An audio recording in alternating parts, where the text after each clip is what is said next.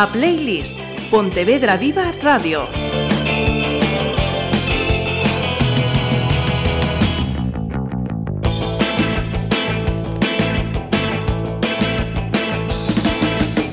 Nació cuando la guerra iba a acabar y las calles del Soho son su hogar. Ella no es para ti, ella no es para ti. Las chicas listas saben elegir. No tardes mucho si no quieres Vamos a tener o tenemos rock and roll en la playlist para ver y para escuchar. Así que escuchamos en primer lugar al invitado de este programa en esta ocasión. ¿Tu nombre, según tu DNI, cuál es? Mi nombre es Javier Rodríguez de la Torre. Javier Rodríguez de la Torre. ¿Y cómo prefieres que te llamen? Bueno, eh, me empezaron llamando Javier de la Torre. Rodríguez lo quité ya de- porque, bueno, en- soy de León y en mi clase ya había, de pequeño había como 10 Rodríguez. Entonces todos éramos eh, Félix de, de la Fuente, Javier de la Torre, entonces me quedó Javier de la Torre. ¿Qué pasó con esto? poco a poco la gente fue cortándome el nombre y un amigo que me llamaba Javi de la T. Javi de la T, JT, y ahí quedó, fue acortándose el nombre hasta JT, y fue, el, digamos, mi, mi acá o apodo, vamos, así quedó la cosa. O sea que si pasemos por Pontevedra y alguien escucha que llama a alguien JT, Me Ya sabéis conocen. que y si esa- dicen Javier, dicen, ¿quién es? Más, solamente los que me conocen de hace a lo mejor 15 años, pero ajá. todo el mundo me conoce por JT o por J, sí. Eh, nos lo acaba de decir. Nacido en León. El León, sí. Afincado en Pontevedra, ¿desde cuándo? Desde el 92. Profesionalmente, eh, ¿a, qué, ¿a qué te dedicas? No sé si añadirle a la pregunta más. Bueno, yo hice, hice Bellas Artes y lógicamente mi primera intención era trabajar De artista. y, y vivir del arte, sí. De hecho, bueno, actualmente me dedico a dar clases particulares en mi casa de dibujo y pintura. Y también soy muralista. Mm, Hasta hace poco estuve haciendo también de- alguna decoración de interiores, habitaciones para niños. Estuve trabajando mucho tiempo también en decoración de, de locales, Ajá. eh, así para alguno conocido y emblemático, los que conocieran la movida de, de Calas de Reis, King, el, el, Esmerarte, eh, tenía un local allí que se llamaba El Rañolas. Y, y lo decoré yo, ca- casi todo yo, y Carmela, una chica también ilustradora de aquí de. Pontevedra.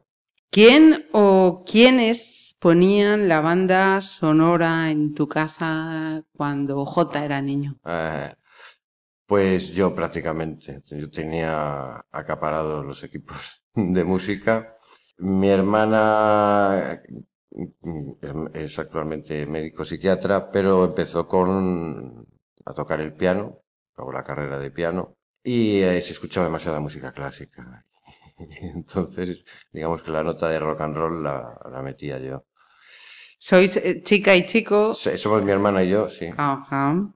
Y creo que tu primera selección tiene que ver eh, con eso. Cuéntanos. La primera selección, bueno, en, en mi casa apareció un radiocassette cuando yo tenía 10 años, allá por los 80, y lo típico de aquella época era cogerte las cadenas de radio y, y, y grabar, Y grabar a machete. y grabar a machete y cortar cuando te cortaba el tema el, el locutor, volverte loco, incluso hasta llamar a la emisora, por favor, déjame el tema completo, que llevo ya a lo mejor una semana intentando conseguir este tema.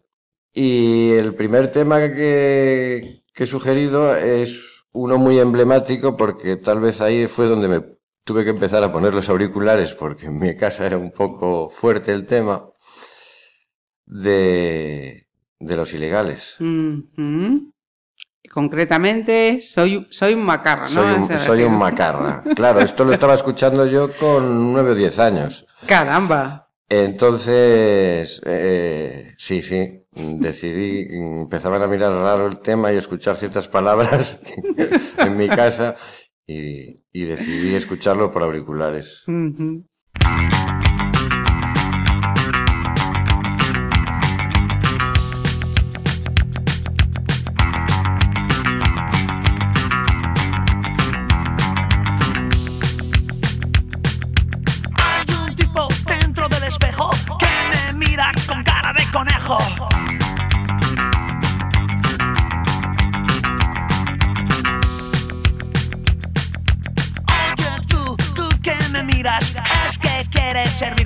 Servirme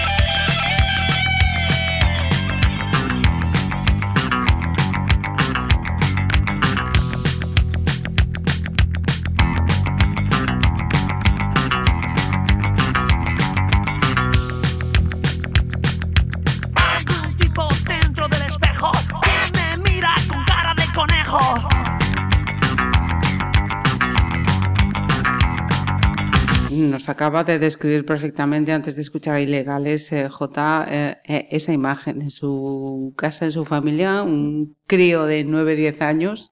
Imagino que cantando eso de soy un macarra, soy una hortera, voy a toda hostia por la carretera. Sí, aparte... ¿Quién lo llevaba? Aparte, claro, mi familia religiosa, pues la palabra hostia era Contundente. contundente, sí, la verdad. Ahora está más al orden del día, ¿no? Pero de aquella era una blasfemia bastante gorda. Nos has hablado también de tu hermana, Sí. médico psiquiatra, pero que hizo piano, tú Sí. por la rama artística. Ah, ¿Eso viene en la genética de la familia o no? En Sois- la genética de la familia, eh, bueno, mi madre falleció ya a la edad de cuando yo tenía 16 años, Caramba. pero fue la que me inculcó la pintura. Ella iba a clases de pintura, dibujaba ya desde pequeña y ver los dibujos de, de ella la niñez y los cuadros que, que, que iba haciendo en, en la academia a la que iba y, y los cuadros que se iban exponiendo que- en, en mi propia casa, pues me, me Te marcaron. Me marcaron. Sí, de todas maneras, yo ya de pequeñito, a mí me dejabas, cuando mis padres iban, pues lo típico, los fines de semana a un bar, si los niños andaban correteando por el bar, a mí me dejabas una servilleta y un, del bar y un lápiz, un boli, y me ponía allí a dibujar y estaba más tranquilo y decían, qué niño más tranquilo. Hombre, me imagino, ahora visto con el tiempo, eso es una delicia. Claro, claro, claro, claro, eso daba absolutamente la lata. Mientras estaban todos correteando, yo estaba con, con mi refresco, mis servilletas y dibujando. Sí. y, y al final, ¿quién acabó ganando? ¿La música clásica de tu hermana o el, o el rock de Jota en casa? Eh, em- em, eh, sí, el rock, el rock. Bien. Los discos de rock entraron, o sea, la mayoría de los discos entraban por mí. Mi hermana ya tenía la colección de Deutsche Grammophon y que eran, no me acuerdo, una burrada de, ellos y esos ya estaban comprados y no había que buscar ningún tipo de novedades porque ya estaba todo editado. Eh, ¿Podrías describir León con la mirada mm, de, de J de los 10 años? Sí, bueno, la, eh, realmente fue una etapa de, de, de- de- juegos con, en, el colegio, estudié en el colegio de los jesuitas y empezó, claro, a partir de los 10 años y, y empezar a entrar el rock and roll y esa preadolescencia, mm, recuerdo que a los, al, poco tiempo, ¿no? Cuando ya empiezas con 12, 13 años, eh, llega un amigo Álvaro Rubio, me acuerdo perfectamente, que viene con una parca Moz que se había comprado en Londres. Y entonces esa estética, dices, ¿y esto? ¿Qué música es? Y, eh, y ahí empezó a entrar un poquito el- todo lo que es el, el- el ambiente y la movida de León, ¿no? Que empezó con los flechazos, los cardíacos, Mm. los deicidas. De hecho, algunos compañeros míos acabaron tocando con los, con Ramón, recuerdo, bajista de, de, de los flechazos. Ajá. Tengo un amigo actual, Jordi, que fue eh, batería del grupo anterior de los flechazos, que se llamaba Ópera Prima. Y en León, en el barrio húmedo, pues empezábamos a ir a locales que también teníamos prohibidos Un poco vetados. vetados por nuestra familia, que se llamaba el Toyson. Íbamos al Pub La Isla y ahí es donde empezó la música de los 60 a, a entrar.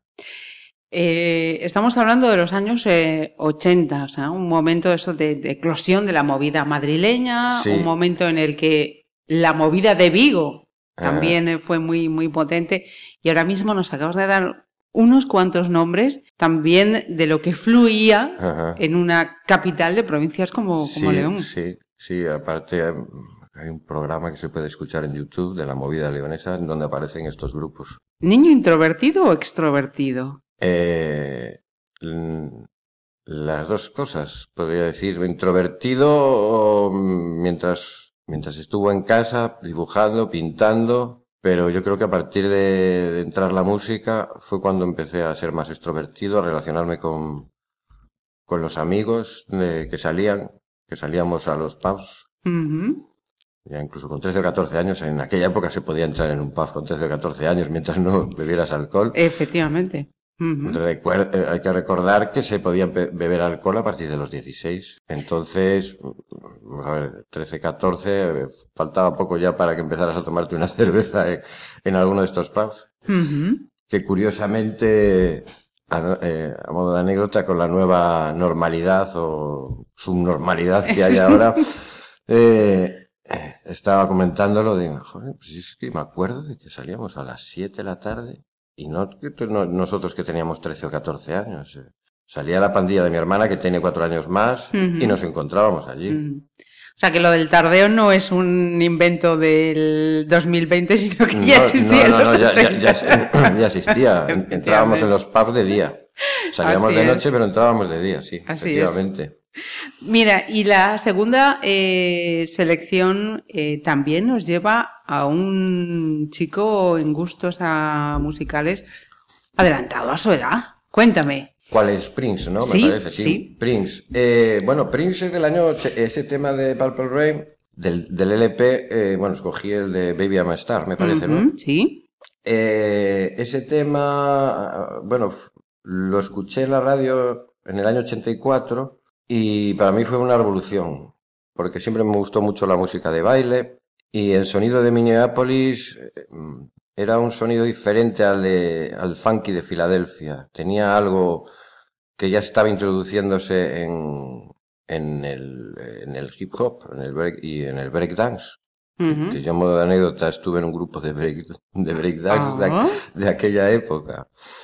Y tenía unos ritmos, la verdad es que, me- que, que- que, bueno, a- si los, lo escucháis notaréis que tiene una contundencia muy fuerte, a diferencia de los mm, del sonido Filadelfia o que se escuchaba a los Hellwind and Fire, a los Cool and the Gang.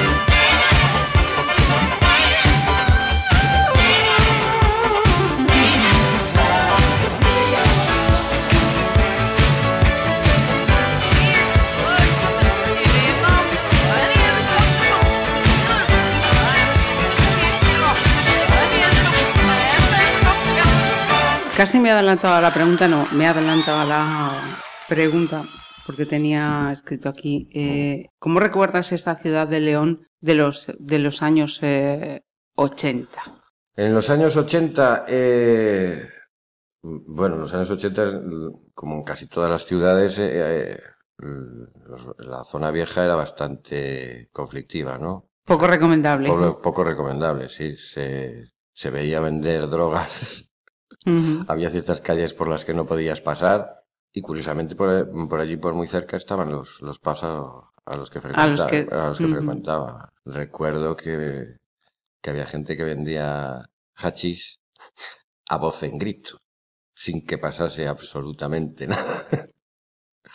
o sea, es para que la gente se dé cuenta de cómo estaba El la- panorama. el panorama, sí.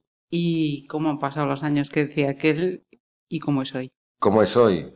Pues León ahora es una ciudad eh, muy del estilo de Pontevedra, bastante peatonalizada, turística. Por desgracia, todos los locales a los de rock and roll a los que, que iba eh, han desaparecido o están a punto de desaparecer, como aquí en Pontevedra, que cada vez somos menos los que estamos en locales de rock. Y, y, la- y la escena, vamos, bueno, de hecho tengo una anécdota que me llamaron unos amigos, oye, que me voy a León, me recomiendas un par de pubs, unos cuantos pubs, le hice una lista y me decían, ¿sabes lo que pasa? Que es que no queda casi ninguno de los que me recomendaste. Y ostras, es que yo, claro, como voy a ver a mi familia, Ajá. salgo poco y luego digo, anda, pues, pues posiblemente. Y algún día he salido a buscarlos y efectivamente ya no, ya no están. Sí, no, la verdad es que la ciudad está, está muy bien. Y sí, yo la recuerdo, pues eso, que había un montón de sitios para escuchar rock and roll. Nos has hablado de aquel amigo que vino con aquella cazadora Maud. Sí. ¿Tú en aquel no, momento te identificaste con alguna de aquellas tribus urbanas de aquel momento? Bueno, eh, esto es muy anecdótico porque a mí los amigos cuando me, me ven venir me dicen, pero Jota, ¿qué haces con esa ropa? Porque a lo mejor te puedo venir con un, como ahora mismo, con unas zapatillas de, De deporte. un- unas Jordan Sí. que estaban vinculado a, a la música hip hop. Tengo una camiseta de rock and roll Ajá. y en invierno tengo una parca y dicen, ¿tú de qué vas? Y es que yo soy bastante ecléctico, entonces Voy cogiendo lo que me surge y me apetece en cada lo que momento me sin tener Quiero que... decir, la- eh, ser de una tribu urbana para mí era encasillarte. Y es que a mí musicalmente me gusta todo. Lo vamos a ir descubriendo en tu, en tu playlist. Además, nos has hablado del Colegio de los Jesuitas. Ah. Eh, de entonces era eh, pasar al instituto, Sí. eh, el BUP. Eh, Todavía sí, no era secundaria ni. eh, fue muy, no, no voy a decir traumático, pero fue muy brusco el, el cambio o el tránsito fue para ti. Bueno, el- no fue mucho tránsito porque como yo estuve en un colegio privado no hicimos el Con- salto del instituto. Estaba- seguíamos los mismos compañeros. Ajá. Eh, fue realmente los que se fueron al instituto, los que cam- eh, cambiaron a la pública y entonces ir a buscar a los compañeros de a, a- a la puerta del instituto. Salíamos nosotros del colegio y ir a buscarles. Eh, tercera selección. Cuéntanos o descúbrenos. Mm, sí, espera. The Human Vein. Ah, de Human Beings. Bueno, eso está relacionado realmente con, con la música mod. Entonces había muchos temas que, que yo hubiera puesto. Una banda sonora que nos marcó a todos los del grupo, que en el grupo había mods, pero también había rockers, fue Cuadrofenia.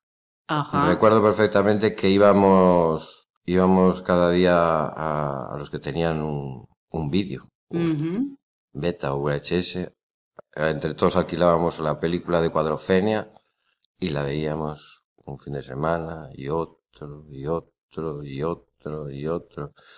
Y buscábamos ya imágenes de cada personaje y las intentábamos identificar con personajes a los que veíamos en los pubs, sobre todo en La Isla. Que allí encontraba, allí solía estar habitualmente Alex, Alex, Alex Cooper, Ajá. que era el cantante de los flechazos. Yo creo que esta playlist va a tener mucha afición leonesa. Igual, eh, tanto, tanto como pontevedresa, por las menciones que llevamos hasta el momento. Mira, el tema que eliges exactamente es eh, No Body But Me, Sí, ¿no? sí, sí. Un Perfecto. tema que pincho habitualmente en el local muy pequeño.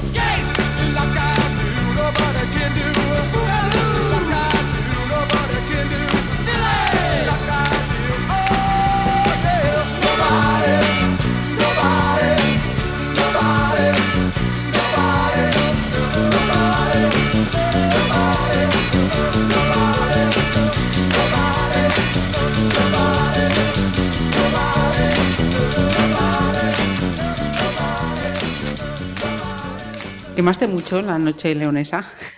Eh, no, seguramente que cuando más la quemé fue, lógicamente, en COU, ¿no? Que es como la despedida de los amigos, cada uno se va a ir a la universidad. Y sí, prácticamente a, a hacer la ruta de, de los pubs. Y, y, y luego cuando estábamos en primera carrera, que sueles volver mucho para, para casa, luego ya te vas quedando poco a poco, ya, ya vas cada vez volviendo menos. Bueno, todo, todo es el tiempo. Luego hay otra época en la que vuelves otra Vuelves vez. otra vez, sí. Y realmente fue, sí, fue esa, Eh, cuéntame lo del breakdance, ¿cómo, ¿cuánto duró? ¿Cómo fue aquel El de- eh, momento? Pues Grupo breakdance. sí, el grupo de break, breakdance, eh, pues eh, a mí como gustaba mucho la música de baile, pues conocí a un grupito de amigos que, que solían ir a, a la Plaza de las Cortes, mm, tiraban una especie de, de suelo, un cintasol así, eh, le echaban eh, laca o no me acuerdo qué, no, abrillantador, se ponían a bailar y yo los conocía de la discoteca y entonces practicábamos allí, eh, a- nos poníamos a bailar. De hecho, ese grupo, eh, eh, yo no me metí para ir a hacer el viaje, pero fueron al famoso programa Tocata y participaron. ¿A tocata? Sí. Toma. Y, pa- y, y participaron en el concurso de, de baile. Igual que en el aplauso hubo, ¿cómo se llamaba? La Juventud Baila. Ajá. Luego en Tocata hubo uno de, de breakdance. Sí, y, sí. y ese grupo se presentó, no sé si quedaron terceros. ¿Cómo se llamaba? Ya no me acuerdo. ya, no, me- ya no me acuerdo. Estamos hablando de hace 30 años. Mira, eh, ya nos has dicho eh, de dónde venía esa vocación artística. Sí. Y mm, Pontevedra, eh, ¿por qué? Bueno, Pontevedra, realmente mi intención era Salamanca.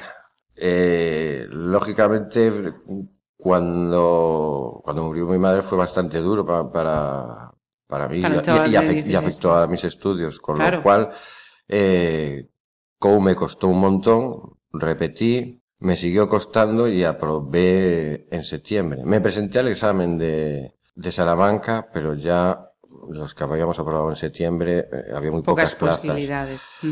Saltó la luz del examen de ingreso aquí en Pontevedra y vamos todos los que habíamos aprobado en, en selectividad, los que habían aprobado en selectividad en tanto en junio como en septiembre, con lo cual ahí yo no tenía competencia. Y yo ya llevaba yendo a, a clases, a una academia de pintura en la calle Santo Domingo con, con un profesor, Santos, y llevaba desde los 13 años. O sea, llevaba preparando ese examen de ingreso Caray. mucho tiempo. Caray. O sea, que Entonces, entre, entre- y ahora que estábamos, que me acaba de venir a la cabeza, había una prueba de dibujo, de estatua, y luego había una obra creativa que era hacer una portada de un disco. Y que, lógicamente cogía Prince para, para hacer esa segunda prueba creativa. ¿Te costó entonces dejar León? No mucho, realmente, no mucho. Eh, La verdad es que fui a una residencia de estudiantes y el ambiente era bastante bueno. Era allí frente a la, al, a la Politécnico, a Caixanova, era la caja de, Sí, caja de, sí. caja rural de Pontevedra, ¿no? Me parece que La era. residencia de estudiantes de que se llama aquí de toda la vida. La Resi, sí. Sí, señor. Y allí estábamos, eh, conviví con, en la habitación con, con Toño Ferreiro y con Oscar Villán, eh, ilustrador orensano, que algunos lo conocerán por, por el cuento Cuelliño Branco, de Ediciones Calandraca, creo que. Y, y la verdad es que hicimos muy buenas migas allí todos. Entonces fue como la experiencia de campamento cuando eres pequeño, pues allí un poco... pa- pa- Pero con 18, 19, 18, 20, 20 Sí, años. y saliendo los jueves por ahí de jarana. sí.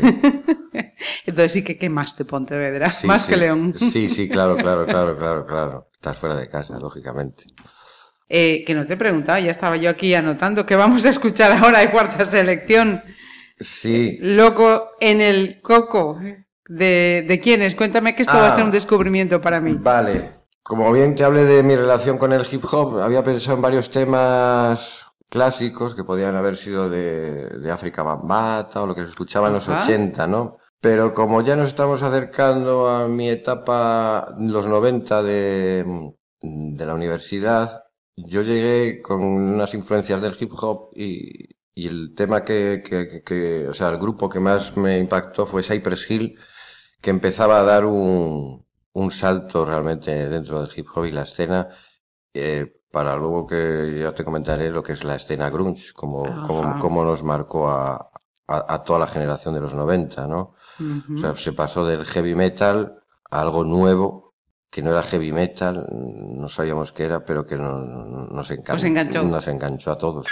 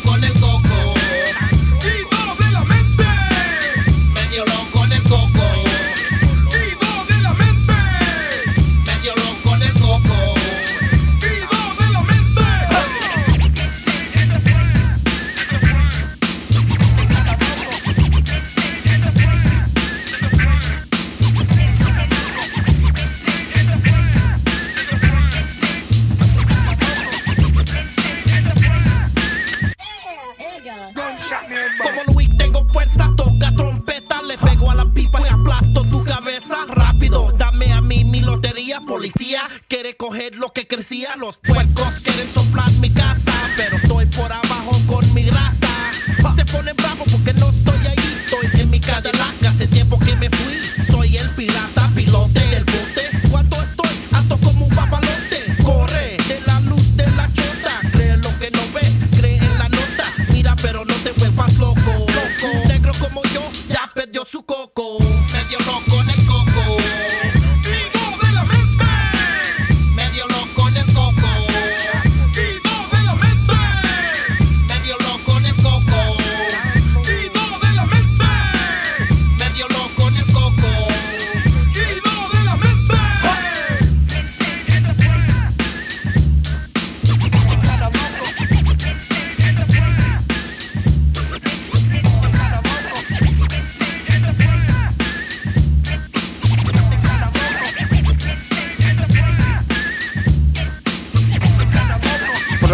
acabas de decir, también me- doy, doy por respondida la siguiente pregunta que tenía planteada y es que mm, no te costó dejar León y te integraste rápidamente y muy bien en Pontevedra. Sí, no sé, pero aún sigo aquí, por eso no. No, no sé, a lo mejor es mm, que engancha celulosas o algo así.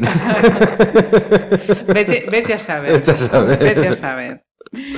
Mira, artísticamente cuéntanos qué, mm, qué corrientes, qué, qué artistas eh, te identifican o Eh. con los que te identificas o te sientes más próximo. Vamos a ver, eh, yo como estaba metido dentro del, del movimiento hip hop de aquella al principio, empecé a hacer graffiti, lógicamente. Mm, Hice varios grafitis por Pontevedra.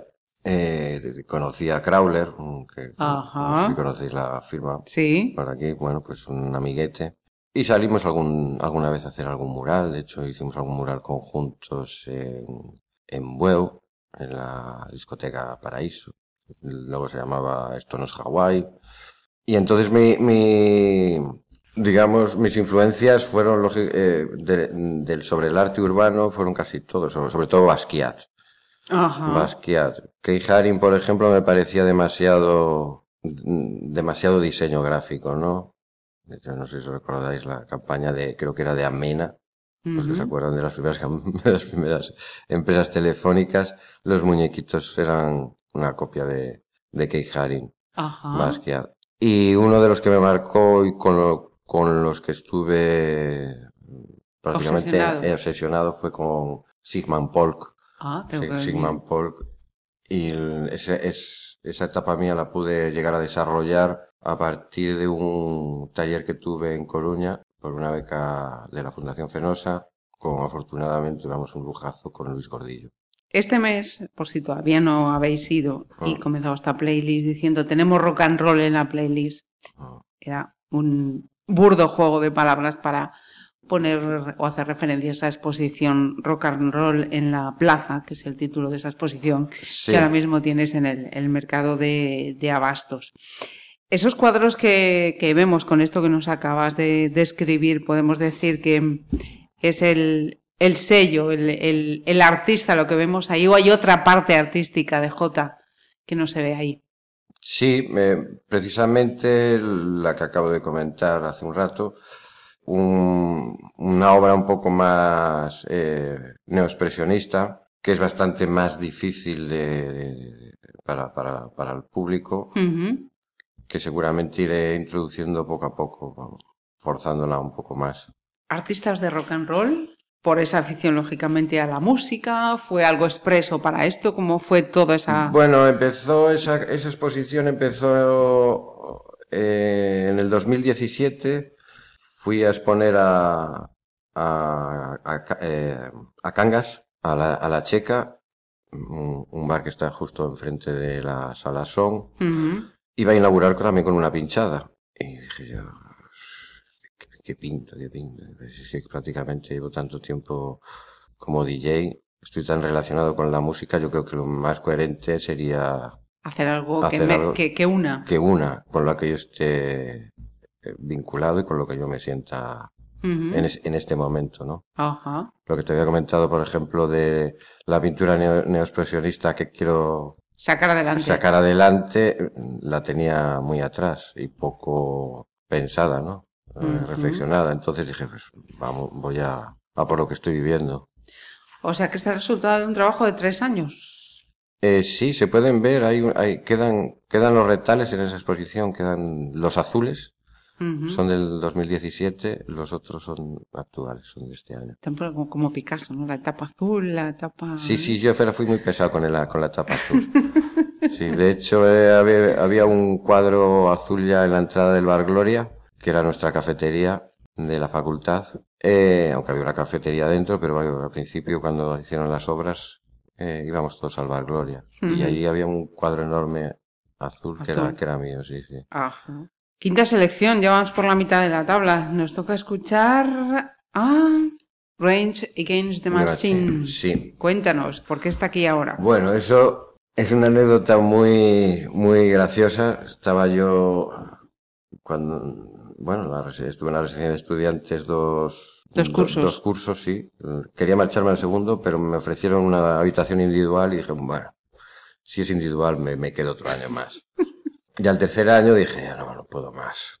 Aparte a mí me gusta mucho cocinar, eh, con lo cual dije, yo quiero vivir mi vida ya fuera de la residencia de estudiantes. Y lógicamente me llevaba muy bien con Oscar, ya lo he citado antes, con Oscar Villán, y decidimos ir a, a vivir juntos. Bueno, pues un día estaba, ya estábamos escuchando a, a grupos como Nirvana, Pearl Jam, Red Hot Chili Peppers, yo ya los, ya los había escuchado casi ya en los 80, incluso antes de, llegar a la, a la facultad.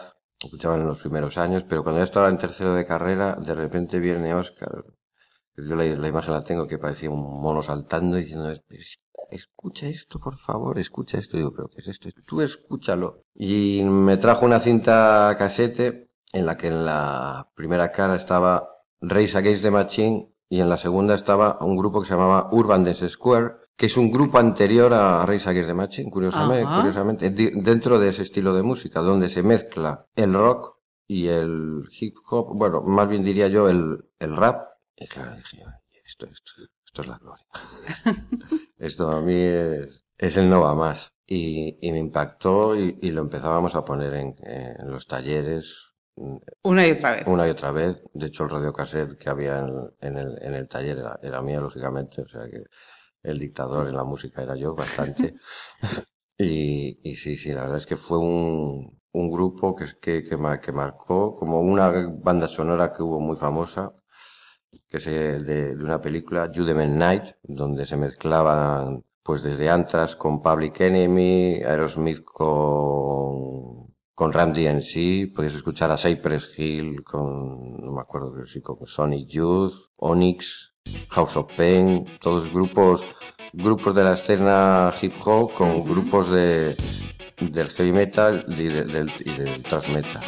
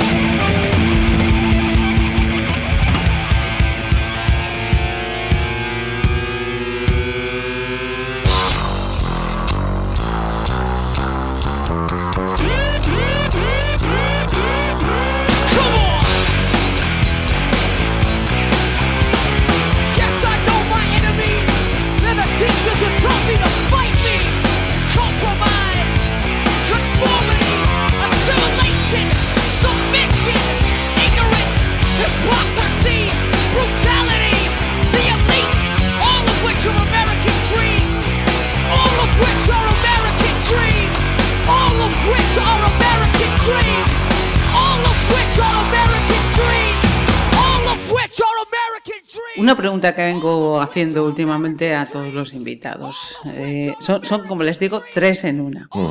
Estado civil, estado sentimental y estado perfecto. Estado civil, soltero. Senti- eh, estado sentimental, eh, no tengo pareja. ¿Y estado perfecto? El actual. Vamos ahora con unos cuantos tópicos. Mm. ¿Cuál es la capital de Castilla-León? ¿Hay una o hay nueve? ¿Hay una o hay nueve? ¿De Castilla o de León? ¿Veis? ¿Veis? Eh, nueve meses de invierno y tres de infierno. Eh, efectivamente. Sí, sí, sí, sí, sí. 45 grados ya alcanzamos. Y hasta 13 bajo cero he estado. Los castellano-leoneses son muy secos. Ah, mm, puede ser que somos secos. Sí, efectivamente hay, hay, yo, hay una diferencia. eh, por eh, el león, el- para que alguien entre en un grupo, cuesta. En el momento que entra, ya está. Dentro. Me refiero a los que vienen de fuera. Sí, sí, sí, sí. Y austeros. Sí. ¿Morcilla de Burgos o morcilla de León? Bueno, hombre. Quítale el arroz y ponle la cebolla y el pimentón, vamos. Eh, el mejor castellano se habla en Castilla. Metemos unas patadas al diccionario, pero brutales. Yo mm, aún soy leísta y laísta. me- No, no, no, no. Y, y, y a- y ahora en Galicia eh, casi he, no, mira, he abandonado, ¿no? Casi he abandonado los tiempos compuestos, aún me queda. Eso te iba a decir. ¿Eso ha sido algo que se va perdiendo sin darte cuenta? ¿O dices, uff, cuidado que me, me estoy perdiendo ahí? Lo tengo hecho.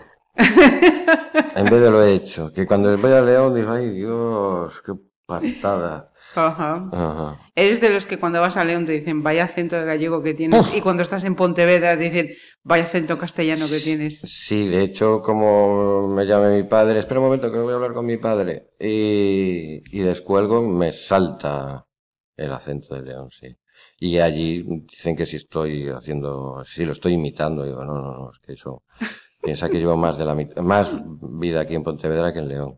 La sexta selección de, Prodi- de Prodigy.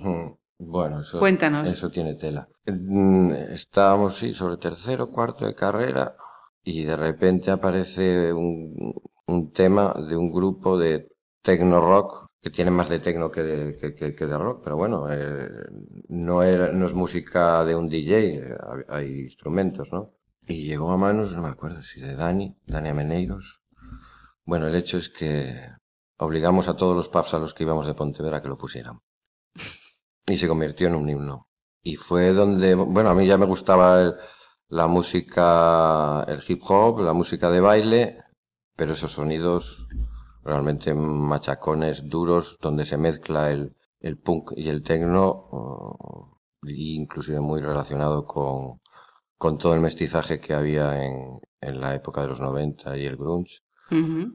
pues fue, lo, lo, lo- llevábamos, recuerdo perfectamente que lo llevábamos a, a un pub que desapareció, bueno, como todos, al Corrales, que luego fue el Honky Tonk, allí escuchábamos eh, Ah, de Prodigy. de, Prodigy. Pro- de Prodigy. Vaya, de se Prodigy. me ha trabado a mí hoy. Eh, eh, Voodoo People.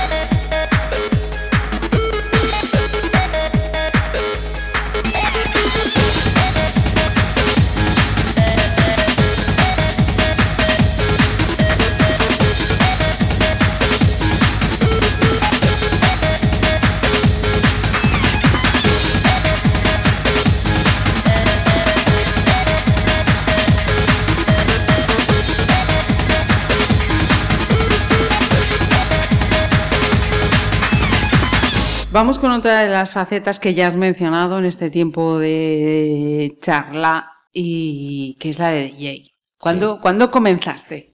Pues mira, ya que hemos terminado con, con Voodoo People de Prodigy, lo- los sonidos tecnos empezaron a, a- a marcarme bastante.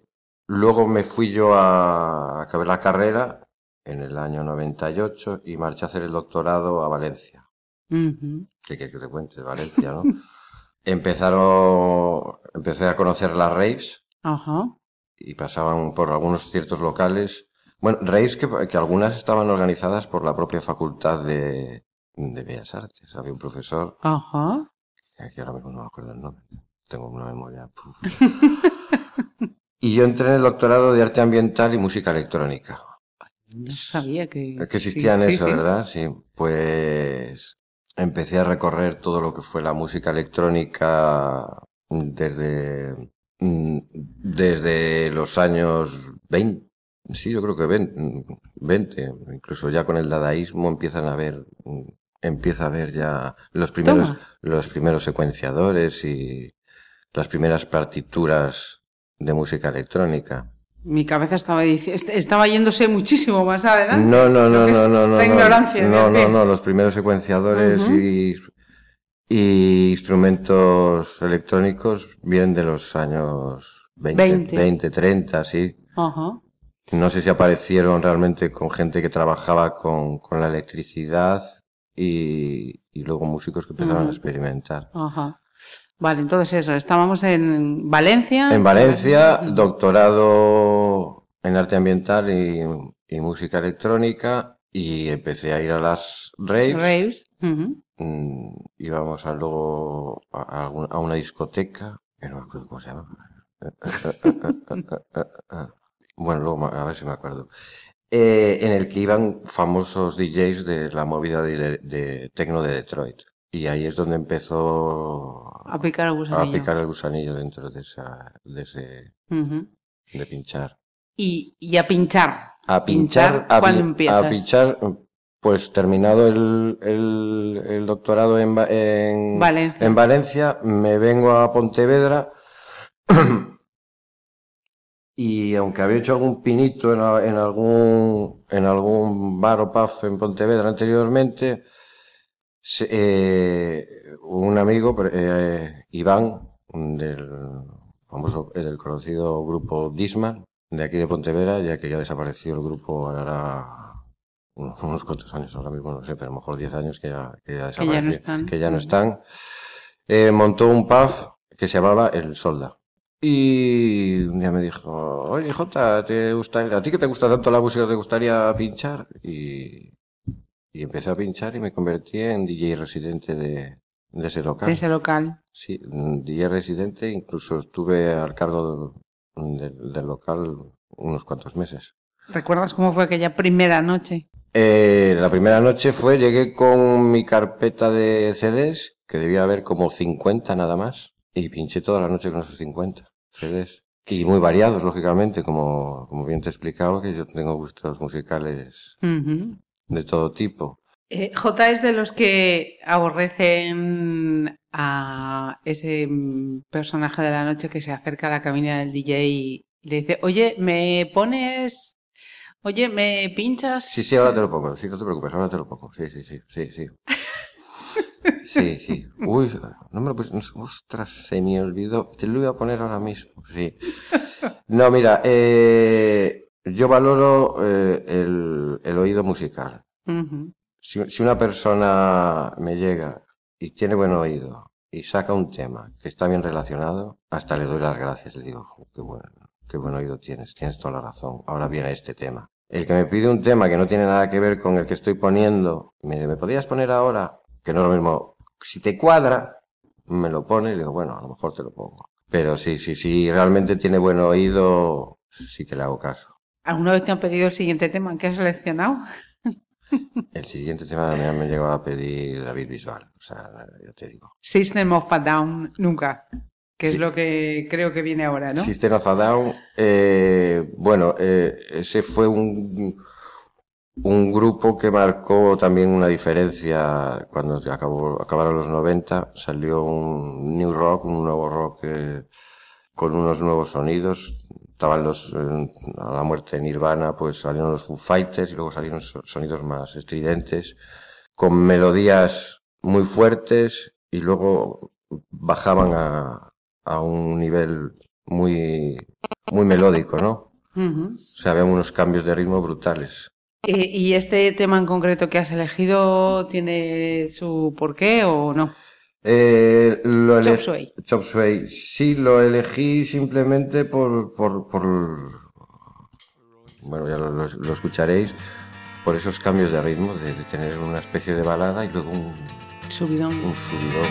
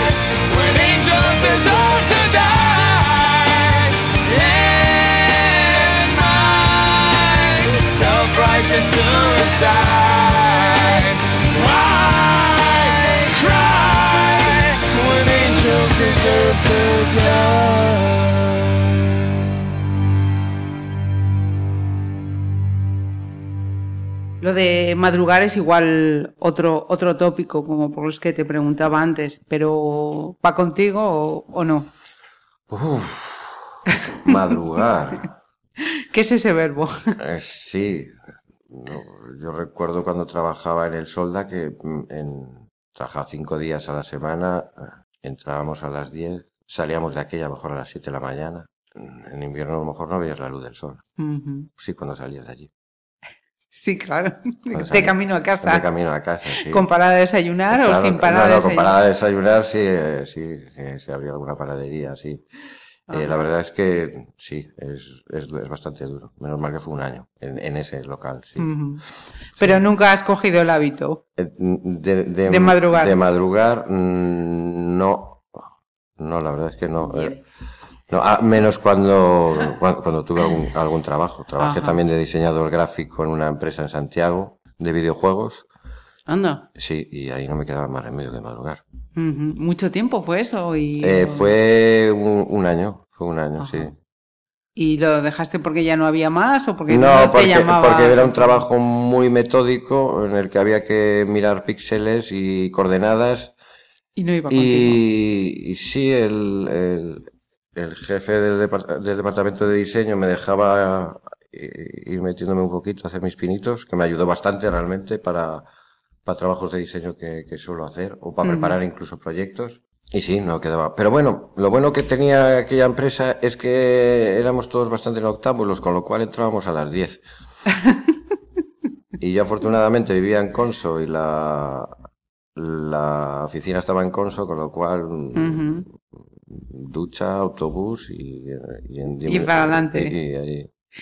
Antes me decías, la primera pinchada llegué mis 50 CDs y con eso tiré la noche. Ah, ¿Vinilos? ¿Los tienes contados? vinil. O igual no Vinil- coleccionas vinilos. Sí, sí, no, no los tengo. los- no, no los tengo contados. ¿Cuántos puede haber? No, no hay muchos, habrá a lo mejor 200, pero me refiero a 200, imagínate, desde que tenía 10 años. Sí, sí. podía tener muchos más. Eh, realmente mm, tengo muchísimos más CDs. Eh, el formato cuando llegó creo que nos absorbió a todos. Y al principio de la charla también decías, cuando hablabas de ilegales, ¿no? Mm, Tuve que pasar a los auriculares porque, claro, aquello ya era demasiado. Eh, si te pongo en la dualidad de unos buenos auriculares o unos buenos altavoces, Hombre, yo intento comprarlo. De, hecho, tengo mm, eh, en casa tengo monitores de estudio. Tengo unos eh, unos Toshiba y unos Toshiba, unos Yamaha. Y tengo un- los auriculares, son, a ver si lo pronuncio, nunca- Sennheiser, Sennheiser. Sí. nunca supe pronunciar. Los que llevo en el bolsillo pequeñitos son unos AKG. Ajá. Creo que la octava selección ya ha sonado aquí en alguna playlist. Playlist, playlist Sí, Helicopters. Helicopters.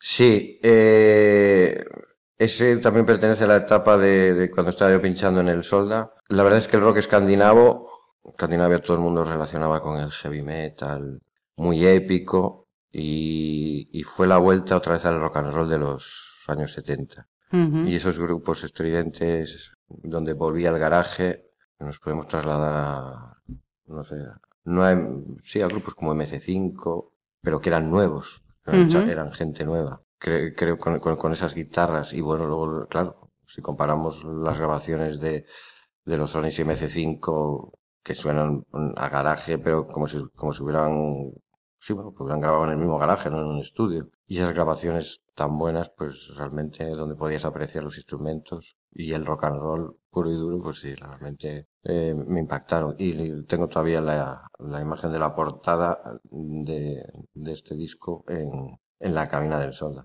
que Ujú. Siempre estaba por ahí pululando. Carry Me Home, ¿no? Sí.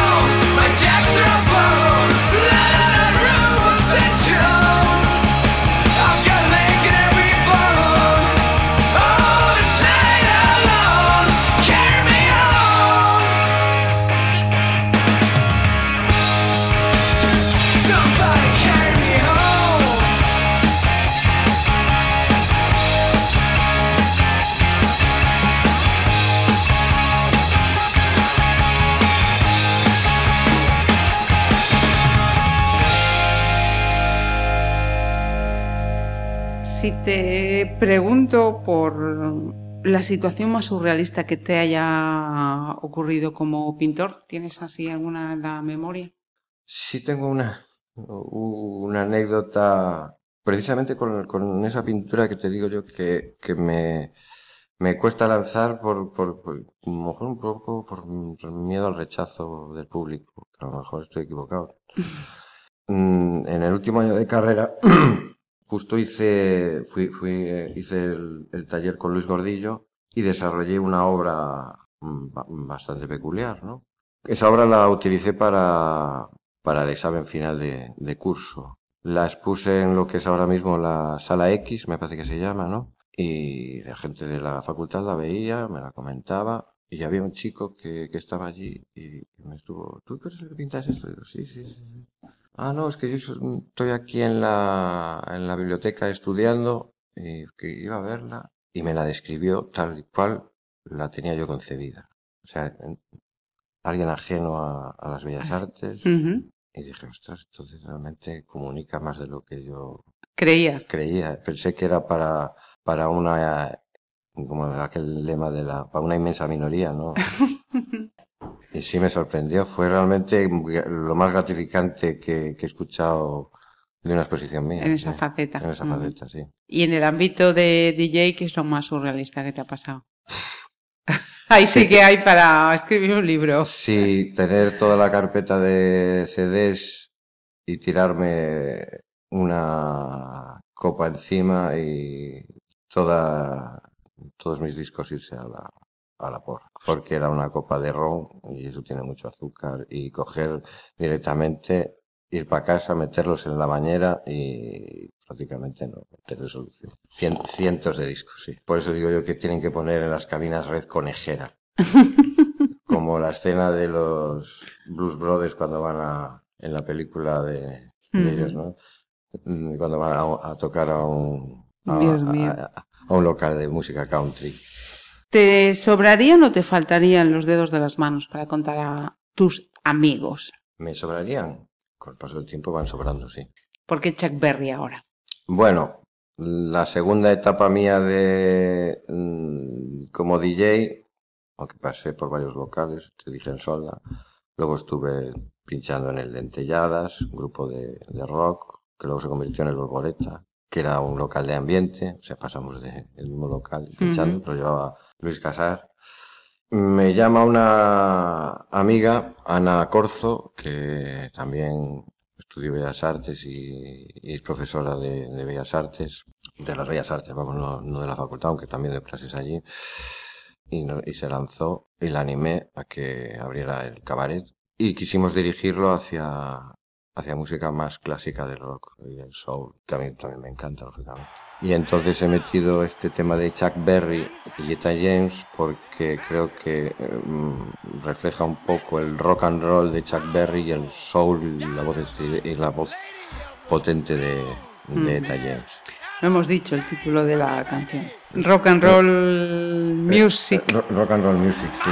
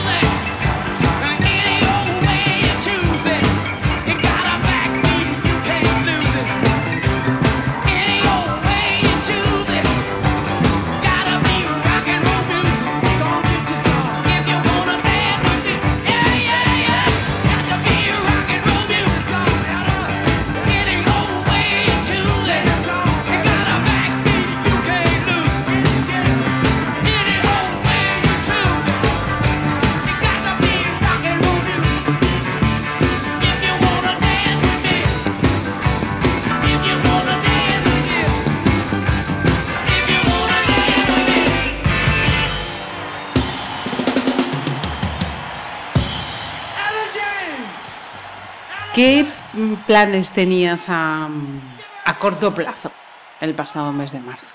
Antes de que de repente dijeran, pasa para casa. Pues precisamente, voy a decirlo, lo que la pandemia me permitió, retomar muchas cosas, la pintura. Porque necesita dedicación, concentración, y yo soy una persona bastante dispersa, como habrás visto que meto la pata, se me van los nombres, tengo que mirar la chuleta, eh, sí tengo un- la verdad un, bastante, un trastorno de atención bastante gordo, y lógicamente a mí, voy a decir una burrada, pero cuando se acabó el confinamiento dije, "¿Y si durase un poquito más.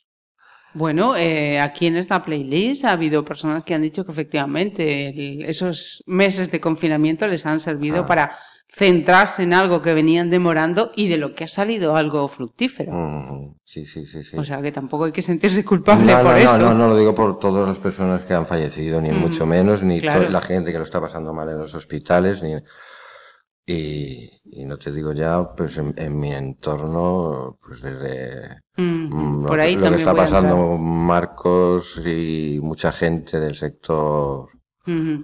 Actualmente tu parte de DJ la desarrollas en el, en el pequeño, ah, que ahí sí que ha sido un, de, de momento punto y aparte, ¿no? sí, sí, fuimos los últimos, yo creo, con un DJ, hasta que ya no se pudo más. Hay que reinventar- reinventarse, Sí. están pagando justos por pecadores, ¿cómo ves la, la situación? Eh, la situación, bueno, la demostración que ha habido, eh, ¿cuándo fue este? En, Alerta Roja, ¿cu- qué- ¿cuándo fue? El, el, el viernes. El, El jueves. yo creo que fue, sí, No, a fue- finales de la semana Fue, fue- pasada. fue- fue el jueves. Bueno, ver a todos los pipas, Per- eh, gente orga- organizando, dejando los flight case colocados, recogiéndolos, que ya quisiera el gobierno organizarse también con, con estos asuntos, eh, organizarse ellos mismos en los metros, eh, en asuntos que son competencia de ellos y que los propios músicos, las propias empresas son autosuficientes y se pueden organizar y controlar la situación mucho mejor Que lo que están que demostrando. lo que están demostrando los políticos, eso está clarísimo, vamos.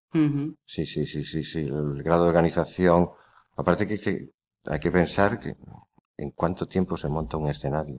Creo que somos eh, suficientemente responsables y eficaces para controlar el sector de, eventos co- como para co- controlar la situación y hacerlo mucho más seguro que, que como se está demostrando en, pues en transportes públicos, colegios, por ya sea por la infraestructura. Nosotros sí somos capaces de poner la infraestructura, incluso ganando menos, pero realmente tirando para adelante porque es el futuro nuestro, claro.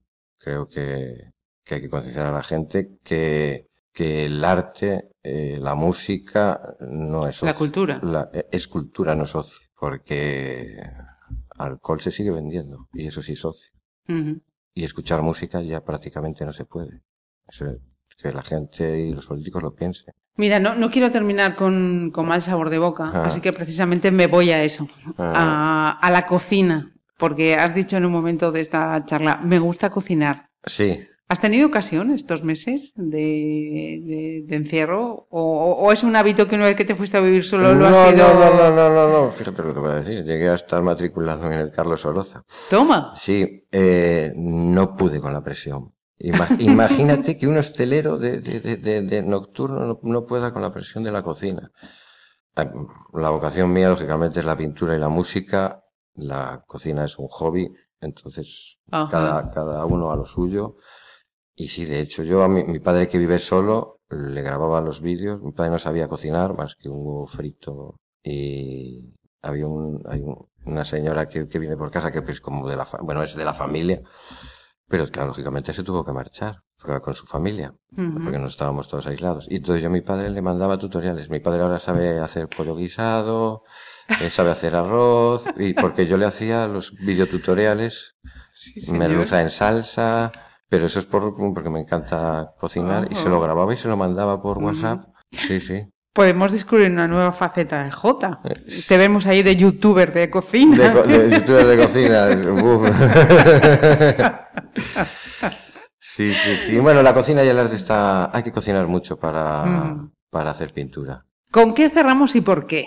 Eh, De... Sí, bueno, eh, he, co- eh, he cogido a Dictators eh, porque realmente es el es un grupo de los años 70 del- de la música ga- punk garage que y un tema que es, prácticamente actual desde hace pocos de hace pocos años y es una gente que, que sigue tan tan fresca como, en aquella época. Y a mí un tema que pongo en el en el pequeño y, suena a viejo y a nuevo y, eso yo creo, que- creo que era con lo como me gustaría Terminar. terminar, sí. El tema que has elegido concretamente, Who Will Save Rock and Roll? Ah, ¿Quién salvará al, al rock and roll? sí, fíjate tú, Casi nada. fíjate tú con lo, que- con lo que está cayendo, Pues mm, nos viene al pelo. claro. Nos viene al pelo. Pues eh, Jota, ha sido un placer tenerte este ratito. Agradecerte pues que te hayas abierto, que nos hayas permitido conocerte y a vosotros pues que os queda poquito de mes y todavía no habéis ido a la Plaza de Abastos a ver esta exposición de rock and roll. Sí, en la que quiero anotar que próximamente, seguramente presente, hay una exposición con Manuel Esteves, eh, que bueno, que es, eh, es un escritor que colabora con prensa y vamos a, voy a preparar una, una exposición sobre, curiosamente, sobre espantapájaros Toma, en el mercado, seguramente, sí, sí, sí, sí. pues estaremos eh, Relacionado con la, pendientes. con la agricultura, por eso seguramente que sea allí en el mercado, ya que están las verduritas y todo eso. Oye, pues eh, tenos informados ¿eh? Sí, sí, para sí, dar sí, cuenta de ello. Mm, Posiblemente en un par de meses, sí. Y muchísimas gracias. A ti.